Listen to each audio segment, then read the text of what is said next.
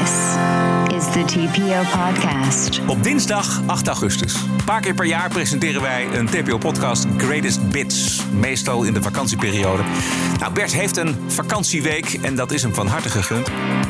Maar helemaal geen podcast, ja, dat doen wij niet. In ons zevenjarig bestaan hebben wij nog nooit een week overgeslagen. Dus hebben wij samengesteld een paar mooie fragmenten uit onze rijke historie. En ik wens je heel veel plezier. Ranting and Reason. Bert Bresson, Roderick Phalo. This is the award winning TPO podcast. VVD bestaat 75 jaar. En Ja. ik, ik weet niet wie er precies op de afdeling communicatie bij de VVD zit.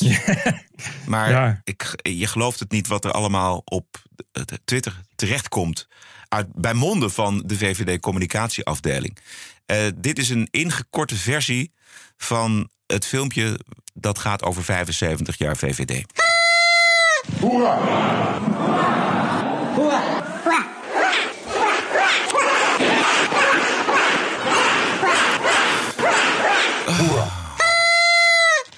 Ja. Wat is dat nou?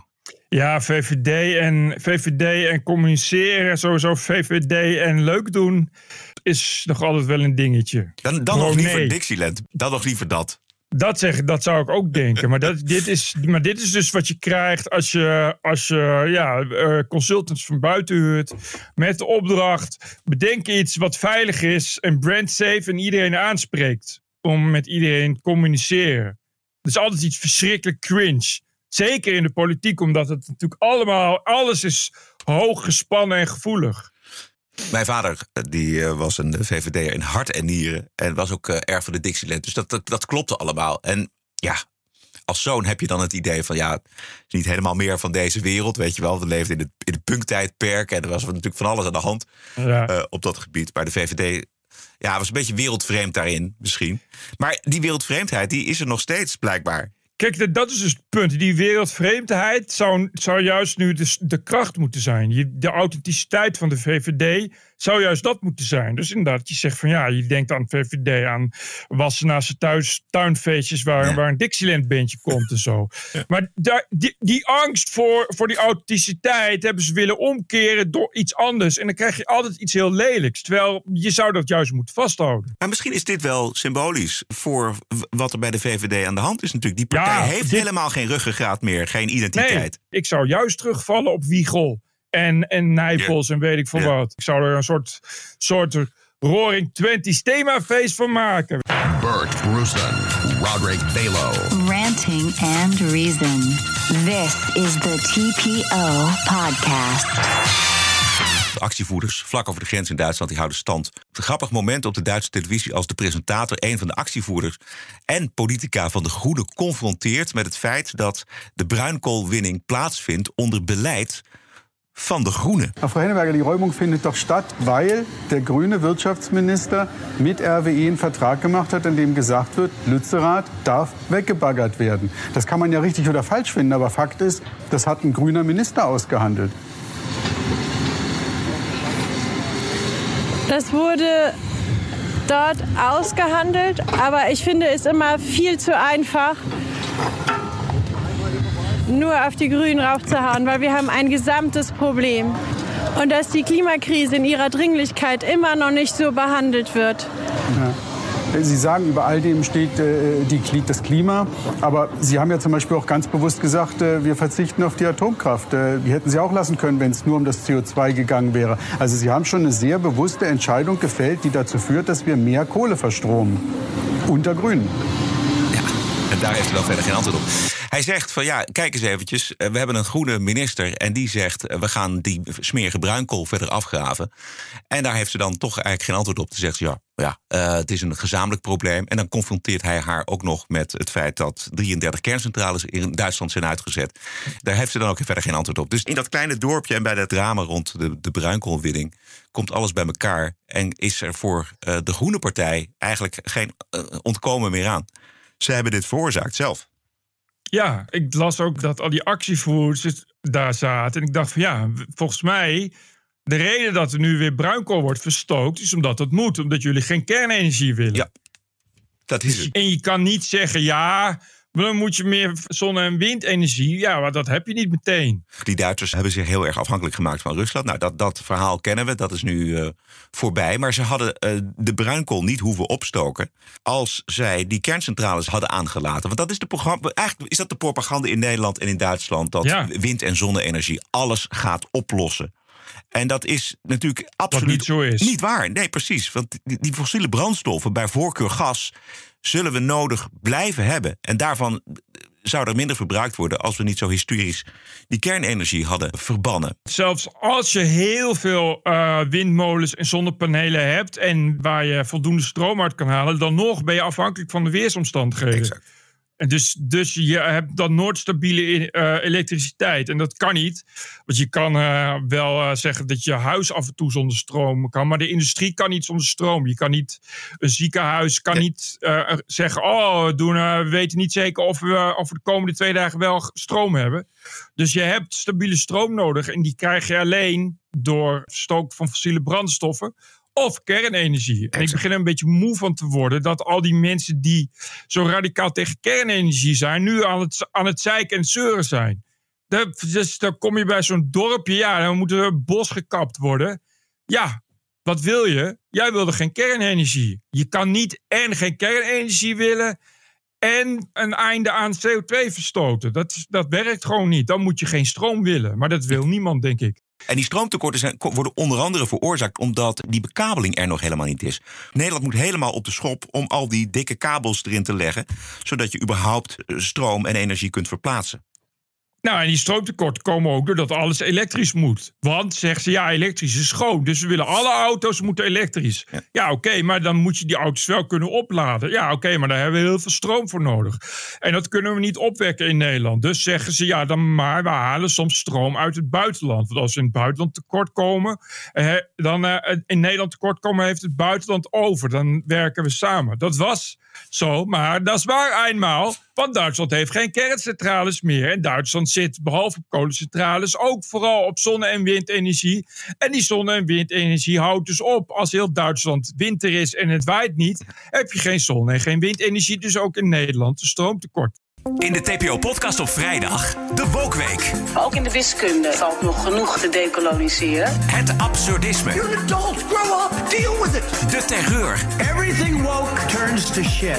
en het verzet ertegen. This cancel culture is gonna end, end, end. De Wokweek in de TPO-podcast op vrijdag. Rutte was op bezoek in Washington.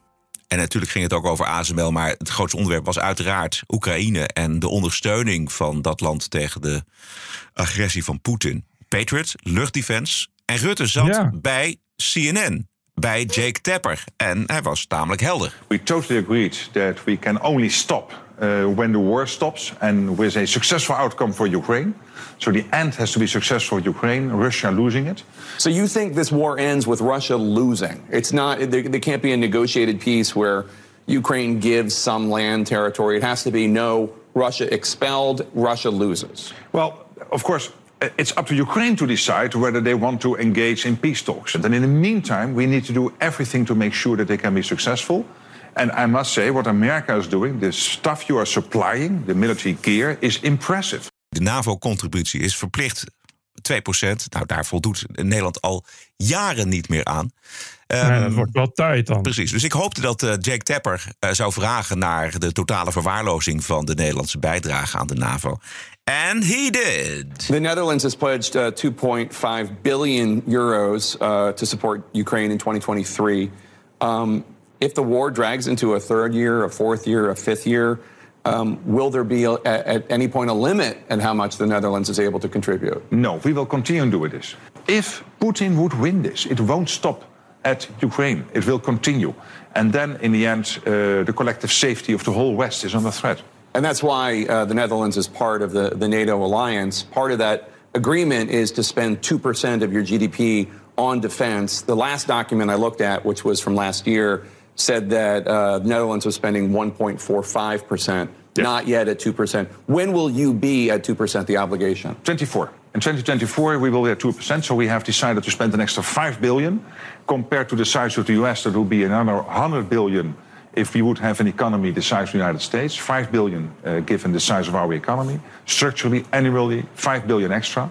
Uh, and that's one of the things I discussed today. That also means that we need to buy new stuff. Uh, and of course, Stuff. the US, next to Germany and some other countries, France, but US, of course, is one of the biggest suppliers of armed, armed systems. And, and of course, here uh, we're very much looking at the US to help us to make sure that we can stock up uh, our military. Dutch Prime Minister Mark Rutte, thank you so much for your time today. Thank you. Appreciate it. Safe travels. Thank you so much. Zo.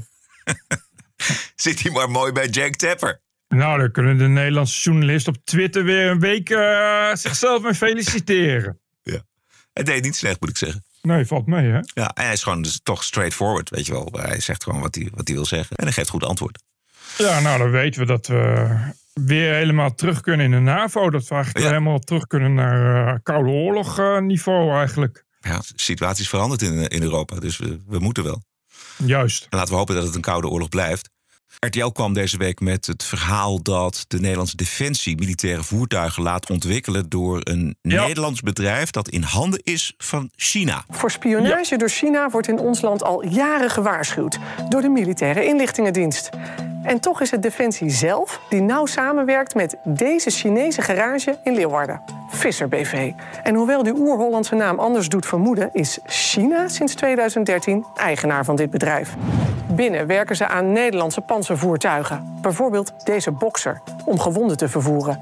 En deze high-tech Bushmaster voor elektronische oorlogsvoering. Om te voorkomen dat onze gevoelige militaire informatie in verkeerde handen valt, heeft Defensie strenge veiligheidsregels.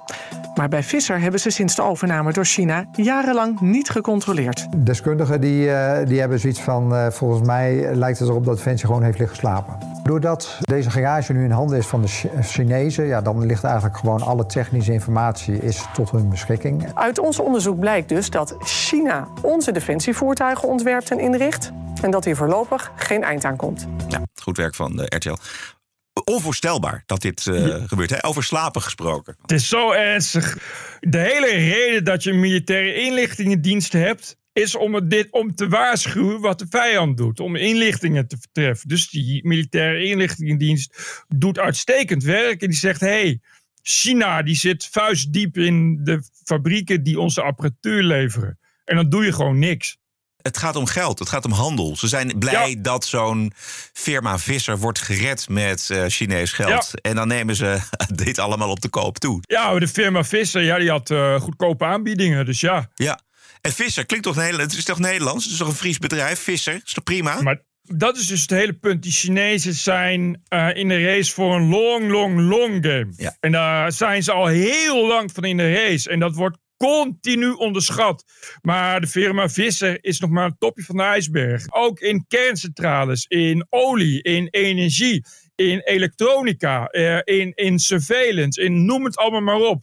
En op een dag komt er dus een moment waarop blijkt hoe gevaarlijk dat was. Op een dag blijkt dus inderdaad dat, dat die Chinees, eh, zonder ook maar schot dat er valt, van, van, van helemaal van oost naar west tot aan de kust bij Vlissingen kan wandelen, zonder dat, er, dat je er iets tegen kan doen. Waarom? Omdat China alles in handen heeft en China alles al lang weet. Zullen we naar de Wokweek? Ja. Laten we dat doen. We gaan naar de Wokweek.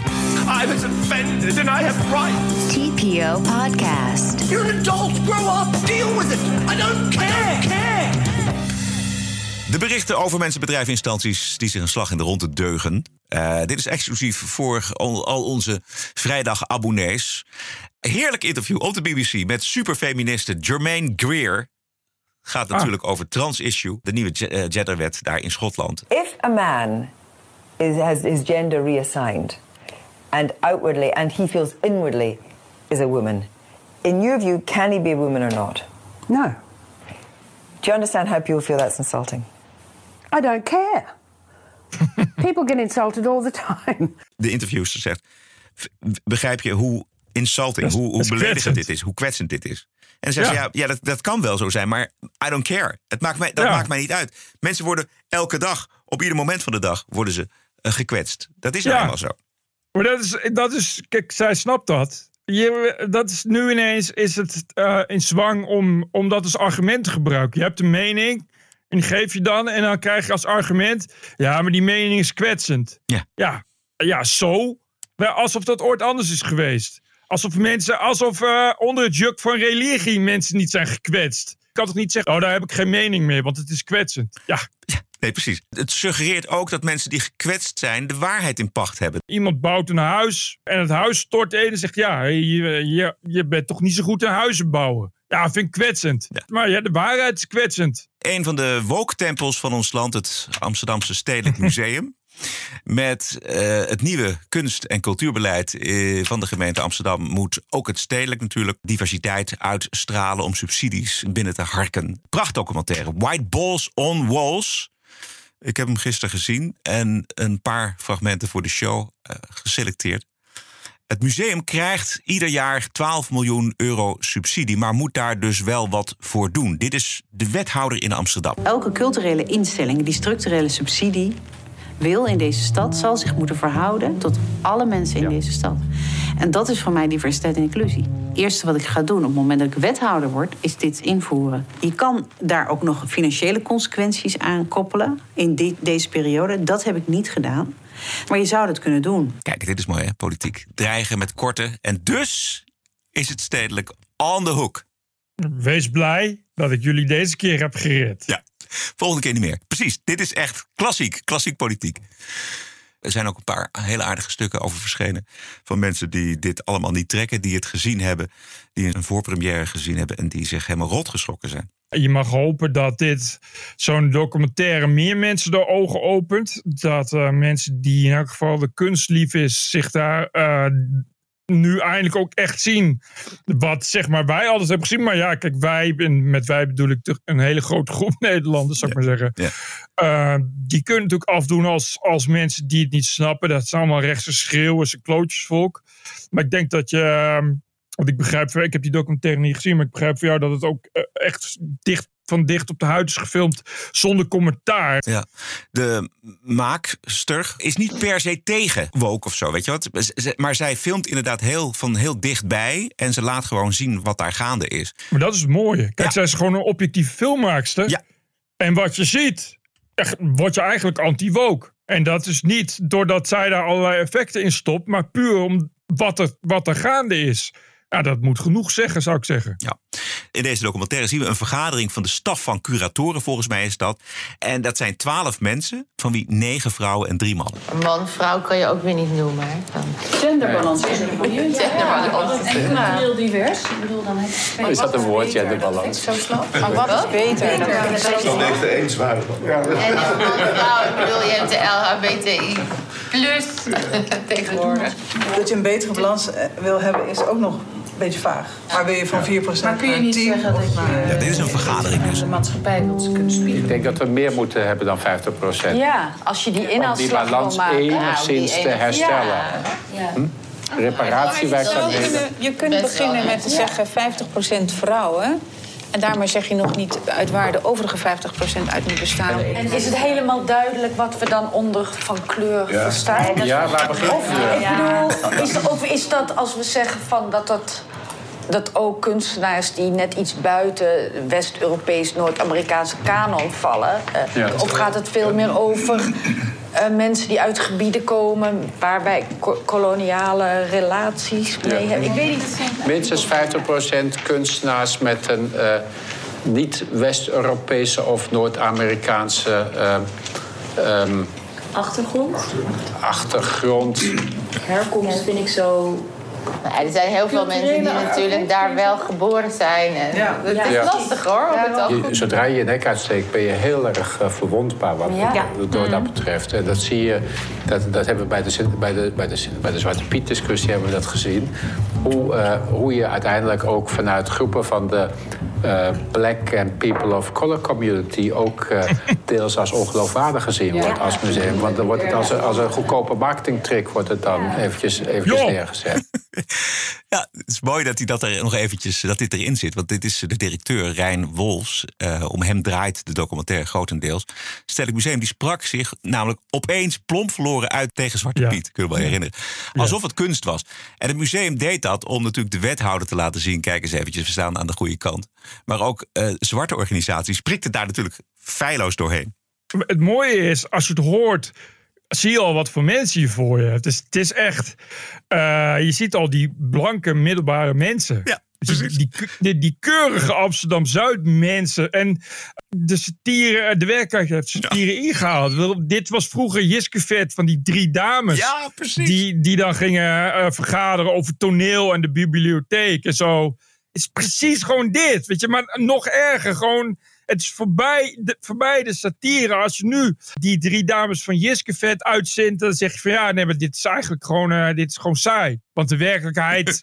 De werkelijkheid is toch veel groter en erger dan dit. Het is Ja. toch niet te doen? Ja, laten we even luisteren. niet te doen. Laten we even luisteren naar die, naar die drie dames van Jiske Vet. Bij land van herkomst heb ik staan Senegal. Heb ik ook, Senegal. Is dat Senegal? Alleen een beetje nog met waar precies uit Senegal, dat hebben wij er dan niet bij staan. Maar omdat nu weer daar nog weer een punt. Waarschijnlijk is dat Senegal City. Senegal City. Goed, even kijken, dan heb ik het Nederlands sprekend. Nee, tot nauwelijks. Nou, dus dat is dan eh, Nederlands spreken. Dan misschien dan zeggen eh, nauwelijks tot redelijk. Het is- weet je, ja, het is. Ja, je- ik, ik kan alleen maar naar satire verwijzen. Het is net, net als. eh, het zijn ook Jet en Koosje Venendaal van Verkoten de Bie. Weet je dat? In het stedelijk gaat kunst niet meer over kunst, maar eh, natuurlijk tot welke groep de kunstenaar behoort. Of dat man, vrouw, blank, zwart, bruin, trans, noem maar op. Daar gaat het allemaal om. En dat is voor kunstenaars natuurlijk enorm beledigend eigenlijk. Dat het Stedelijk Museum hen zou kiezen om die quota te halen. Dan kun je ook voorstellen dat iemand die, ehm, die heel graag binnen die context zou willen aanschaffen, maar die net binnen de categorie blank, wit valt. En dat je dan dat je vervolgens moet gaan zeggen: Oh ja, dat, dat, nou zit ik aan mijn 49 procent. Dat, Maar daarom hebben we niet voor 100% gekozen. Hè? Ah, Dus ik zou het bijna ook een belediging vinden als, als ze stedelijk naar mij een tentoonstelling maken omdat ze op zoek zijn naar kunstenaars van kleur. Als, ik, als dit de bedoeling is, dan kap ik gewoon met deze tentoonstelling. Juist. Die laatste is eh, Remy Jongerman, kunstenaar van kleur. En die trekt dat natuurlijk helemaal niet. Nee, het is gewoon de token neger geworden. Die, dat hoort hij zo ook wel. Ja. Dus zeggen, ja, dat is niet. Dat is niet maar, ja, ja, het is eigenlijk droevig dat je nu zo'n documentaire kunt maken, überhaupt. Ik bedoel, deze documentaire is natuurlijk uiteindelijk. wordt het entertainment. En waarom wordt het entertainment? Omdat we er hier zijn terechtgekomen op dit. Op deze identitaire freakshow. Juist, eh, dit is echt mooi, mooi gezegd. Identitaire freakshow, dat is het. En onder druk van de politiek. Dat vind ik ook een, een, een zeer Juist. ernstige. Dus dit is de politiek die zich bemoeit met de kunst. Daar hebben we vreselijke voorbeelden van. De Cultuurkamer in de jaren 40. Alles is politiek. De taalgebruik, de kunst zelf. En de bezoekers die hebben dat natuurlijk in de gaten. En raken ook teleurgesteld in dat museum. Die, die overdreven politieke correctheid uitstraalt. En ik zie overal zwarte, mensen verklaren over de, over, de, over de context. En dan denk ik, ja, het is niet een tijdsbeeld waar ik me gelukkig in voel. En waarschijnlijk veel mensen van mijn generatie niet. Er zijn mensen die vinden dat ik veel te politiek correct bezig ben. Moeten we dan politiek incorrect zijn? Dat kan toch geen optie zijn in deze wereld? Ja, dit dan ben je toch, toch he- volkomen losgezongen van de realiteit. En dat is, dat is het grote probleem. Dat je hier natuurlijk hoort naar mensen. Hun meest recente aanvaring met de realiteit is eh, VPO tegenlicht zo'n beetje. Weet je, deze man heeft werkelijk geen idee hoe de wereld er buiten Amsterdam-Zuid uitziet. Als je niet elke twee minuten je excuses aanbiedt voor het slavernijverleden... dat je dan politiek incorrect bent. Die snapt gewoon niet dat je ook neutraal kan zijn. Puur ideologisch bezig en daar ook niet meer uitkomen. Als je nu online in de collectie zou gaan zoeken, zou je bepaalde dingen toch echt niet meer tegen moeten komen. Oké, en dan hebben we het over het N-woord, over... Eh, zigeuner, ehm, inboorling, dat soort dingen. Ja. Er is ook een schilderij dat prostituee in de titel heeft. Of het heet Oh, ja. geloof ik prostituees of zo. Dus ik heb Claire gevraagd om daar een... eh Sekswerker. Voor, eh, Nou ja, om in ieder geval noten bij te maken. Sorry, ik, ik, dat is even een lastige voor me. Wat, is er, wat, wat begrijp ik niet aan het woord prostituee? De uh, uh, term waar sekswerkers uh, voorkeur aan geven is sekswerker. Ja. um, waarmee wordt aangegeven dat het arbeid betreft. En prostituee is daarmee een, een term die ik liever vermijd. Ah, dit is toch, toch te echt te gek voor woorden. Dat zelfs, zelfs de politiek correcte adviseur begrijpt het gewoon al niet meer. Dit gaat dus over kunst. En waar komt het op uit? Is dat we eigenlijk ja, het, het Nieuwspeak woordenboek moeten we elke keer langs, langs alle woorden leggen. Staan er nog woorden in die aan de huidige maatstaf moeten worden aangepast? Ja. Jan Christian Brown, dat is voorzitter van de Stichting Over Holland. En hij is kunstverzamelaar. En hem werd gevraagd: Goh, wil jij nog eens nadenken over investeren in het Stedelijk Museum? En hij heeft, naar aanleiding van deze documentaire. Uh, gezegd: nee, daar begin ik niet aan. Hij zegt: deze eigentijdse abjecte beeldenstorm en deze mentaliteit in het Stedelijk Museum, een museum dat ik ooit een warm hart toedroeg, is niet de mijne. En ik ga dan ook niets bijdragen aan de verdere afbraak van dit instituut tot een antropologisch kleinstedelijk museum. Kijk, kijk, kijk, kijk, kijk. Wel, wel, wel. Nu gaat het beginnen. En dit gaat er dus gebeuren. Precies. In de toekomst. En dit gaat gebeuren met al die musea. Want al die musea zijn afhankelijk mede, behalve van subsidies van rijke mensen.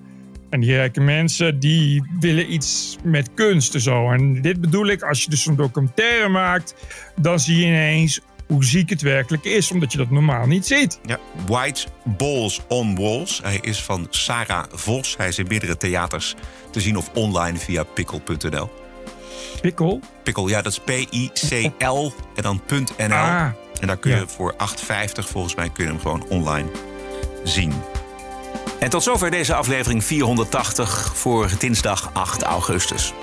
We zijn er vrijdag weer met een normale show. En als je die niet wil missen, neem dan vooral een abonnement. Kan ook voor een korte periode, van een maand bijvoorbeeld, om het uit te proberen. Ga naar tpopodcast.nl, dan kom je op onze Petje Af pagina... en daar valt er te kiezen welk abonnement voor hoe lang je wilt. Je doet jezelf denk ik een groot plezier en ons ook. Want zonder jullie steun is er geen TPO-podcast. Stay cool, mooie dag vandaag en tot vrijdag. TPO Podcast. Bert Bruson, Roderick Balo, Ranting and Reason.